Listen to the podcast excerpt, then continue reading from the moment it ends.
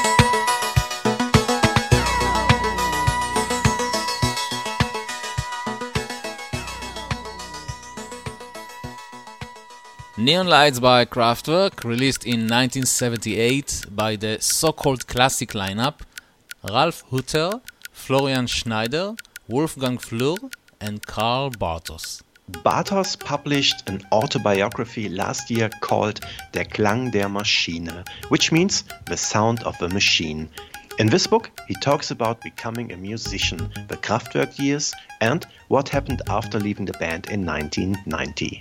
We may return to those years in the future, presenting a B-side by Electronic, for example, but let's stay with Kraftwerk and the final album, the classic lineup released in 1986. That was Electric Cafe, which was re released under the title Technopop in 2009, and this re release included a slightly changed tracklist. This means that the original version of The Telephone Call was edited, and that one song entered the album, which has exclusively been released in 1987 as the B side of The Telephone Call. The title of this track is House Phone. Here it is. Thanks for listening and see you somewhere in time. Thank you, Manfred. Bye bye. Bye bye.